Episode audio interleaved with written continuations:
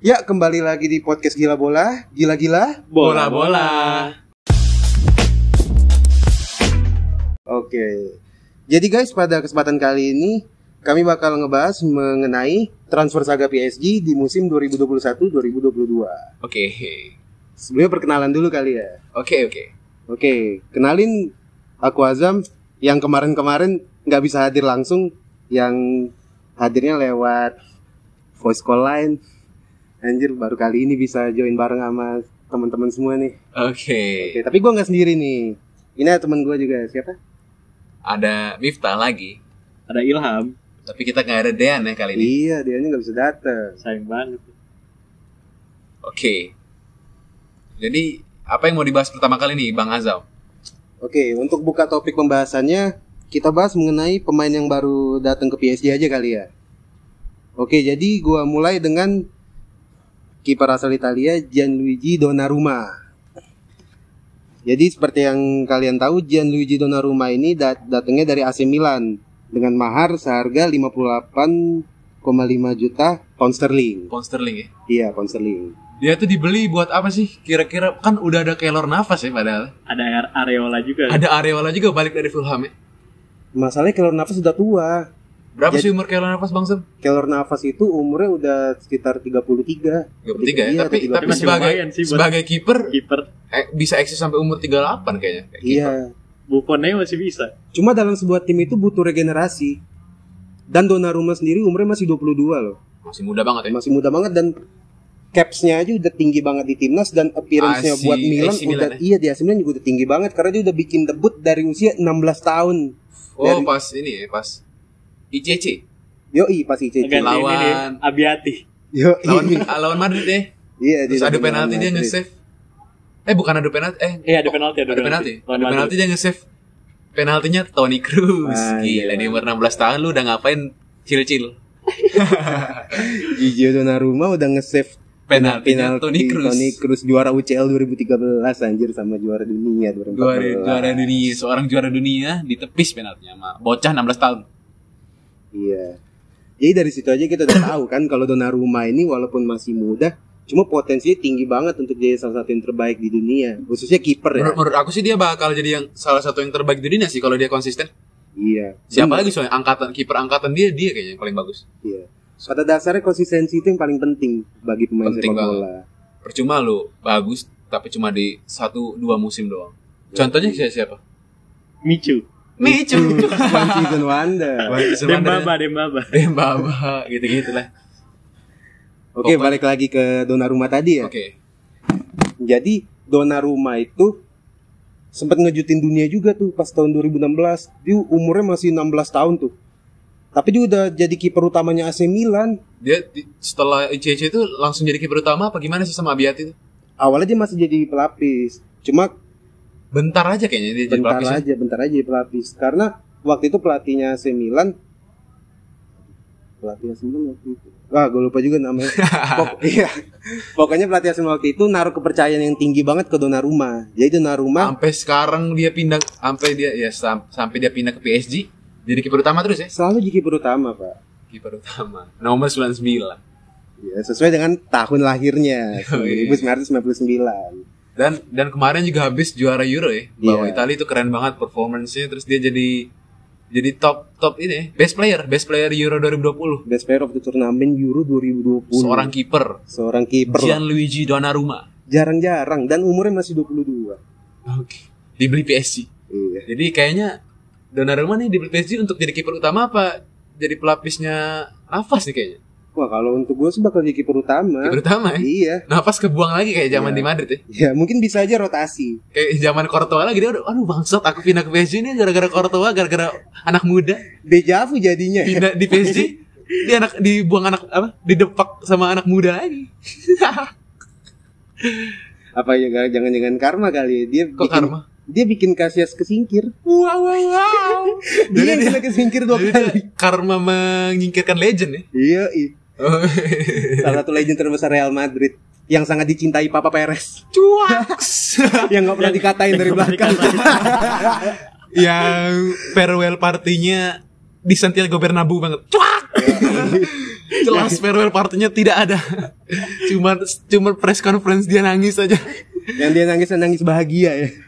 Bagusan farewell party dia pas dia pensiun di Porto daripada dia pindah dari Madrid ya. Itu official tim manajemen Porto sampai pemainnya juga ngasih bingkisan segala macem. Madrid Nggak kasih tidak, ya, ya? Madrid enggak. Walaupun sekarang dia jadi CEO Madrid Real Madrid Foundation sih. Iya. Tapi itu kayaknya dia jadi CEO Real Madrid Foundation juga gara-gara cibiran Cibiran netizen. Pencitraan. Cuaks. Oke, jadi Gigi Dona kiper nomor satu nih. Yoi. Oke. Kalau menurut gua bakal Setelah nomor satu. di Donnarumma siapa lagi nih Sam? PSG ngedatengin. Ada lagi si Ashraf Hakimi. Oh, udah bisa dipastikan wah harganya mahal banget tuh pasti. Berapa harganya bang? Harga Ashraf Hakimi sendiri jadi PSG beli Ashraf Hakimi dari Inter Milan Oh, iya. dengan mahar sebesar 54 juta pound sterling. Waduh, gila cuannya PSG. Sheikh siapa sih namanya pemiliknya PSG? Syekh Ali Jaber. Syekh. Rest in peace, Sheikh Ali Jaber. Nasser Al Helaifi. Baik, mantap. Nasr. Nasser Al Helaifi itu owner PSG. Yoi. Tadi tadi Donnarumma berapa? 58 juta ya? Iya. Iya. Hakimi 54 juta. Heeh. Padahal tuan Hakimi dari Donnarumma. Tuan Hakimi dari Donnarumma. Hakimi kelahiran 98. Iya, iya wa- wajar sih sebenarnya. Harga semalaman itu wajar sih menurut gue. Dan dia tuh di Inter tuh juga ba- kontraknya baru jalan setahun. Baru setahun. Iya. Tambah Inter kemarin lagi BU kan? Nah iya, dia, Ya, dia salah satu alasan Inter jual Hakimi juga gara-gara BU sih. Dia Inter tuh, aku nggak ngerti juga. ya, Padahal dia baru juara Serie A musim kemarin, tapi krisis keuangan habis itu. Dia terpaksa harus putus kontrak sama Conte gara-gara ya krisis keuangan. Inter tuh udah jadi setelah setelah krisis keuangan, setelah mengetahui dia krisis keuangan, dia kayak ngeluarin kebijakan dia harus ngejual pemain-pemain bintang gitu ya. Salah satunya Hakimi ini dan Conte tidak setuju. Conte tidak setuju dan ya beda pandangan lah manajer manajemen Inter sama Conte beda pandangan jadi Conte-nya cabut ya Yoi, Conte-nya cabut dan digantiin Simone Inzaghi kan yoi diganti sama Simon Inzaghi yang dulu ngelatih Lazio. Tapi agak ironis juga ya. Maksudnya I- Inter yang statusnya juara Serie A Serie A kok bisa bangkrut? nggak bangkrut krisis Iya, krisis gitu kalau yang maksudnya. bangkrut Barca beneran bangkrut Barca Duar jual masker. Iya. Tapi kasihan juga Inter dia udah krisis keuangan ditambah sama sponsornya Nah, untuk tahun ini kayaknya nggak nggak ada ya untuk ada nggak Iya. sih Ada. bukannya Lenovo kosongan deh depan deh. Lenovo Bukan- bukan nggak salah nggak Lenovo tapi nggak aku nggak ngerti juga Lenovo tuh bakal jadi sponsor apa apa sponsor utama kayak Pirelli juga nggak ngerti ya pokoknya intinya ya kebijakan Inter yang menjual pemain-pemain bintang dan salah satu pemain bintang yang dijual itu adalah Ashraf Hakimi ke PSG jadi PSG itu ya menge- mengetahui situasi itu di Inter ya dia dia culik nih salah satu pemain bintang Inter Hakimi dan emang kalau gue lihat-lihat emang PSG ini butuh banget right back kelas dunia ya Yoi, apalagi untuk mengisi ke apa ya, kedalaman squad dia biar biar dia bisa bersaing banget di Champions League gitu-gitu. Iya. Butuh banget sih pemerataan pemetaan pemerataan squad diisi oleh pemain-pemain world class di tiap lini tuh butuh. Sebelumnya kan Florenzi ya, Zabe? Yoi. Tapi sebenarnya PSG juga emang butuh banget karena dia juga belum nemuin pen- eh, pengganti yang pas untuk Thomas Meunier yang pindah ke Oh Dortmund. iya benar juga. Florenzi sih rada-rada kurang ya kalau kita lihat-lihat. Ya average average player lah, average player. Average player dan nggak bisa benar-benar ngegantiin Minyer. Ya, Florenzi juga sebelum di PSG sempat loan di Valencia. Cuma mainnya tuker-tukeran sama Daniel Was, pemain Jadi bisa Denmark. bisa disimpulin kalau kurang kurang kurang mumpuni juga ya Florenzi Iya. untuk tim sebesar PSG. Jadi makanya didatangin Ashraf Hakimi jadi right back. Dan itu menurutku menurutku pasti jadi right back utama lah logikanya. Keren sih. Hakimi komplit, Pak. Komplit. ya. Defend defending mantep. Dan dia juga versatil, main Pacey di ya? kanan, di Pacey kiri juga. Yoi, pacey. Pace-nya di, Ngebut di, di banget. FIFA Yoi. aja pace-nya 95, Pak. Dan iya benar. Hakimi juga kalau nggak jadi RB jadi RM bisa. JRM Tapi kayaknya jadi RB sih soalnya RM-nya RW RM-nya Angel Di Maria. Dan setelah Hakimi siapa nih Sam? Yang masuk lagi ke PSG? selain Hakimi ada Gini Wijnaldum bro Gini Oh, iya. Wijnaldum. Free transfer ya? yoi Free transfer di umur usia dia berapa? 30 gak sih?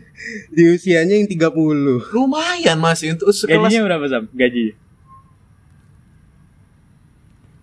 gajinya ya kalau nggak salah ya dia tuh ya pokoknya berapa sih pokoknya Dua lebih kali besar lipat dari dua Barca. kali lipat dari yang ditawarin Barca cuy Yoi. makanya Barca tertikung sebenarnya Gini Wijnaldum ini kan dia nggak mempanjang kontrak ya di Liverpool nah yang klub yang ngebet ngebet, ngebet banget datengin dia tuh Barca karena mungkin faktor Ronald Koeman ya Iya, Ronald sama-sama Koeman. Belanda pengen lihat aja Ronald Koeman ngedatangin pemain-pemain Belanda kan jadi kayak Wijnaldum ya salah satu salah satu incarannya lah tapi ternyata dia kalah saing sama PSG persoal soal Gaji. gaji jadi gaji yang ditawarin Barca itu kalau nggak salah lebih rendah dua kali lipat dari yang ditawarin PSG jadi PSG yang dapat dan menurut menurut menurut kalian Kalau nggak salah Menurut- sekitar 400 ribu gaji Wijnaldum di PSG. gede banget ya Barca cuma nawarin 200 ribuan. gila gede banget sih itu untuk seorang gini Wijnaldum itu gede banget rada-rada overpriced untuk masalah gaji sih menurutku Iya. tapi kalau kaya ya apa boleh buat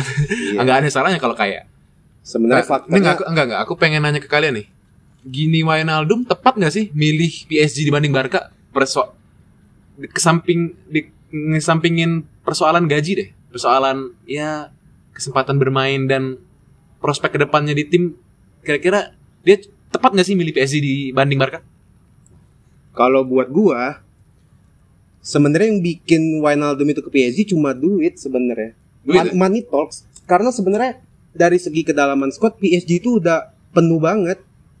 Lebih butuh Barca malah sebenarnya. lebih butuh Barca ya CM Iya, apalagi Barca pelatihnya Ronald Koeman yang pas Yang udah pasti kepake banget. Iya. pasti kepake ya? dan Wijnaldum pemain intinya Koeman pas dia masih ngelatih Belanda. Oke. Benar benar benar banget. Tapi dia nggak ada salah juga sih. Kalau Bang Ilham gimana? Kalau menurut aku sih cocok ya harusnya. Bener dia milihnya ke PSG. Yang pertama kan dia udah bukan pemain muda lagi kan. Iya. Mana masa-masa pemain bola kan paling sampai 35-an untuk pemain tengah kayaknya. Iya. Jadi udah waktunya cari duit lah ya. Yoi, benar benar. Udah waktunya cari Aset duit. masa depan. dan dan ya kalau di PSG jaminan trofi tiap tahun. Iya. Trofi domestik ya, trofi domestik. Kalau UCL kan belum. Masih nol seperti Arsenal. Jaminan trofinya tapi yang pasti Coupe de France. Iya. Soalnya Likong kemarin gagal. kan? Karena Likong Kemarin gagal awal Lille. ditikung sama Lil Burak anjir. Ilmas. Lil yang modal cuma striker tuir dari Turki yang sangat hebat di Euro ya. Sangat tidak tidak pernah kalah sekali di Euro. Yang lama banget ini. yang kekuatan fansnya melebihi kayaknya ini ke- kekuatan fansnya melebihi kekuatan squad Tapi kekuatan fans sama kekuatan timnya berbanding terbalik ya ternyata. 11-12 ya kayak Indonesia. tapi Turki bisa masuk Wimbledon bisa masuk Euro Indo masuk AFC saja tidak cuaks cuaks cuaks Seru sekali negara miskinku. ya Allah tidak boleh gitu Sam kita ini sebagai pionir bangsa harusnya kita kita yang merubah Indonesia dari negara miskin ke negara kaya Yo, tapi kita nggak usah bahas itu ya ya takut itu takut diciduk.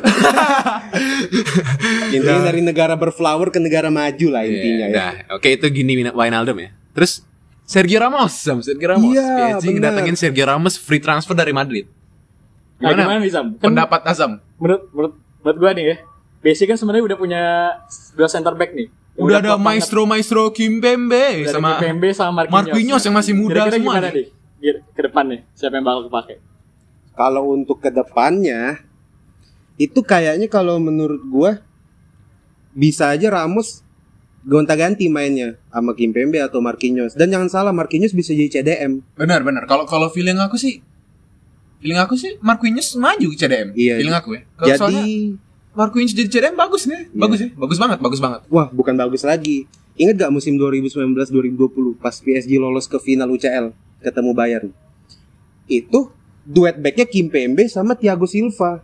Oh iya, CDM-nya Marquinhos- Marquinhos. makanya dia bisa sejauh itu ya. Iya. dan kalahnya juga cuma satu kosong sih menurutku ya kalahnya bukan kalah kalah telak banget dan PSG juga ngasilin banyak peluang juga di final itu ya. Banyak, Pak. dasar aja strikernya yang yang Ma- Lord Maharaja Cupo Moting sarjana teknik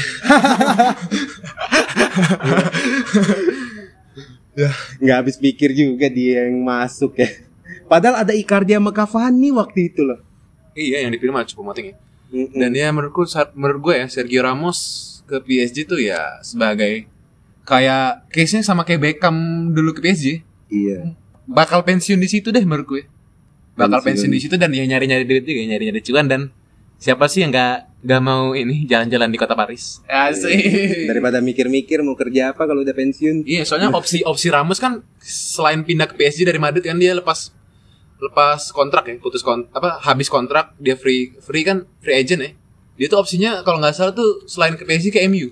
Hmm. Nah, menurut menurut gua juga nih sebagai kalau gua jadi Ramos di umur gua yang udah 35 ya, apa 36 sih 35 ya. Udah 35. 35 udah bergelimangan trofi semua trofi lengkap anjir. Ramos itu semua trofi lengkap individu juga ya udah lumayan lah pasti pernah jadi Fifro Fifro Fifro udah tim tim tim tim turnamen mana juga udah pengga- penghargaan individu juga udah udah lengkap banget lah trofi Ramos ya ngapain gitu di u- usia segitu malah kerja keras di Premier League Iya. Dari se- dari segi psikis juga dia main di La Liga sekian lamanya ya udah capek banget. Nggak capek dia malah pindah ke Premier League dan di kalau dia pi- ke Premier League ya ke MU di MU yang tekanannya tinggi banget ya soalnya MU demand demand fans ke MU nih tinggi banget Ya, iya, pengen ekspektasinya pengen, tinggi pengen banget. juara Premier League UCL dan segala macam pengen diembat semua soalnya lagi regenerasi bukan regenerasi sih lagi rebuild up squad ini lagi benar-benar kedalaman squadnya lagi benar-benar ditambah banget MU kalau kalau dianya ya jadi otomatis kalau Ramos pindah ke MU otomatis dia harus kerja keras hard work hard work banget nih kalau di PSG kan bisa ya Mana Rada-rada kalau misalnya santai. ya. dia pilih MU kemarin, terus tiba-tiba gagal, udah abis riwayat karir. Pembangkang karir Semua jadinya. juara-juara UCL. dilupakan dilupakan itu udah kayak Victor Valdes di MU Padahal interesting Wah. juga, padahal sebenarnya interesting juga loh kalau misalnya bisa lihat Ramos duet sama King Harry Maguire. Ya, tapi udah Ramos sudah tua juga sih menurutku kalau di Premier League juga rada-rada bentar juga sih paling cuma setahun dua tahun lah itu kalaupun main bagus juga paling dua tahun tahannya terus pindah lagi kalau di PSG kan ya domestiknya santai ya domestiknya liga liga domestik bla bla blanya santai jadi ya bisa sampai pensiun lah kayaknya kayak itu untuk Ramos ya terus siapa lagi Sam? nggak ada lagi ya yang terkenal terkenal sama paling dia PSG nge apa ya nge permanenin Danilo Pereira. Jadi Danilo Pereira itu baru datang musim lalu di musim 2020-2021. itu central defensive midfielder juga Yoi, loan dari Porto. Loan dari Porto. sekarang dipermanenin Sekarang dipermanenin sama PSG. dan kalau untuk pemain yang keluar Sam? Kalau untuk pemain yang keluar Pemain yang keluar tuh Mitchell Baker. ada Mitchell Barker, Mitchell Baker itu winger. Oh, left back Sam. Oh, left, left back, left back. Maaf, Dia, maaf. dia left back. pindah ke Bayer Leverkusen 7 juta euro. Umur dia 21, dia orang Belanda. Mitchell Baker juga menurutku ya. Menurutku ya rada kurang kalah bersaing ya untuk di usia dia yang masih muda ini kalah bersaing ama Kurzawa ama Juan Bernard. Juan Bernat juga OTW sembuh nih dari cedera. Jadi kayaknya ya susah sih. Jadi keputusan yang tepat bagiku untuk Mitchell Baker untuk pindah ke tim yang bakal memakai dia terus. Ya dan tim itu ya Bayer Leverkusen. Bayer Leverkusen ya kayaknya bakal udah ngedatangin Mitchell Baker nih kayaknya bakal jadi salah satu pesaing papan atas Bundesliga ya harusnya. Iya. Dan juga umurnya Michel Bak dan juga umurnya Michel Baker masih 21 juga sih, masih muda. Dan dia datang ke Bundesliga di mana Bundesliga emang liga yang tepat untuk mengembangkan talenta-talenta pemain muda. Contohnya aja Jadon Sancho. Dan juga pesaingnya di Leverkusen juga nggak banyak. Soalnya LB utama left back utamanya Leverkusen itu ada left back dari Brazil namanya Wendel. Nah, kalau menurut gue sendiri Wendel ya B aja sih. Jadi Baker bisa aja ngembangin potensi dia dan ngegeser Wendel di Leverkusen dan jadi tim utama di situ. Oke, oke itu untuk Mitchell Baker ya. Dan Yoi. setelah Mitchell Baker yang di, yang pergi dari PSG di musim ini itu ada Alessandro Florenzi. Wah. Dia habis masa peminjamannya dari Roma, dia balik karena nggak diperpanjang ya, karena ya Iya, Dia nggak dia diperpanjang. ngedatengin Hakimi juga ya. Bakal nggak butuh juga lah PSG berarti nggak butuh itu Florenzi dan Moiskin. Moiskin habis juga masa masa permin, masa peminjaman dari Evertonnya habis. Hmm. Balik ke Everton lagi nih Ba- bang. sekarang lagi statusnya dia pemain Everton harusnya dia latihan sama Everton apa aku apa dia lagi liburan juga aku nggak ngerti nggak tahu juga updateannya tapi kalau ngelihat dari berita-berita dia PSG pengen ngepema- ngepermanenin dia pengen beli Jadi. dari Iya. Everton soalnya Moiskin juga bagus sih bagus bagus di PSG bagus Yoi. dia jadi apa itu Fans Barca fans Barca dengerin nih. Dia pernah nyetak gol di Camp Nou Yang pas yang pas ngalahin 4-1 Barca. Mbappe hat-trick, Oh iya, iya. Moiskin satu golnya lagi, gol sundulan. Oh, Cial yang kemarin ya? Iya, Oh iya iya iya. Benar benar aku rada lupa. Nah, pokoknya Moiskin juga ya bisa jadi salah satu prospek lah untuk PSG. Masih muda banget, umurnya masih umurnya masih berapa nih Moiskin? Masih 21 seumur seumur Michel Bakar tadi. dia seumur Balotelli pas menang Premier League loh, Pak. Yoi, masih panjang banget karirnya. Iya. Moiskin juga Tinggal Ya, kita ini. Icardi juga kalau kita lihat-lihat ya kayaknya bakal nggak nggak bakal lama lagi di PSG udah udah udah bukan pilihan utama lagi dan ya opsi Memang striker juga. PSG siapa apa siapa aja sih Sam? Kalau opsi striker PSG itu ada Icardi, ada Moiskin. Tapi Mois- ini yang musim lalu ya maksudnya. ya ya. Ada Icardi, ada Moiskin dan kadang kan Mbappe juga jadi striker. Kalau kalau kita ngelihat kalau kita case-nya misalkan Icardi bakal nggak kepake lagi ya berarti butuh banget dong Mo- Moiskin ya. Iya. Jadi kayaknya Moiskin menurutku juga bakal dipermanenin. Tinggal nunggu aja nih beritanya kapan dia official direkrut lagi sama PSG secara permanen dari Everton. Gitu sih. Bingung juga sih, Pak. Icardi padahal masih usia prima. Mungkin gara-gara karma nikung istri orang kali. Wanda Nara ya. Wanda Nara. Yoi, yoi. Mungkin itu aja sih udah udah per per per ini tanggal berapa? Per 17 Juli cukup itu aja sih transfer saga PSG. Sama PSG masih ngincer ini sih kemarin Theo Hernandez ya Ame. Iya, tapi kayaknya dari Milan sendiri nolak tawaran dari PSG. PSG kayaknya butuh butuh harga yang lebih tinggi lagi sih. Dan juga Kalau- emang Theo Hernandez emang sentral banget perannya di AC Milan. Iya, kalau kalaupun dia jadi ke PSG bakal left back ya pasti. Iya. Wah, bayangin aja kiri Theo Hernandez, kanan Hakimi, Pak. Iya, semuanya pemain Real mantan pemain Real Madrid Yo. ya. ada Di Maria, ada Ramos, ada Navas. A- A- Navas, ada Hakimi, dan ada Theo kalau ada Theo masuk ya.